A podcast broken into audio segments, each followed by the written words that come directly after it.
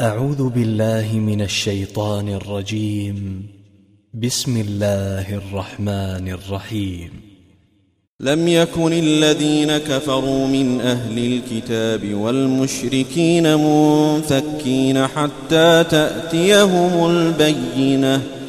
رسول من الله يتلو صحفا مطهرة فيها كتب قيمة. وما تفرق الذين اوتوا الكتاب الا من بعد ما جاءتهم البينه وما امروا الا ليعبدوا الله مخلصين له الدين حنفاء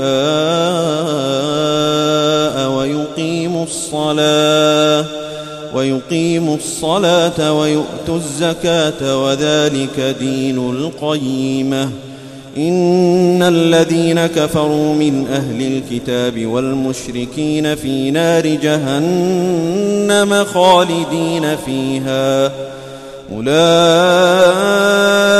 هم شر البريه ان الذين امنوا وعملوا الصالحات اولئك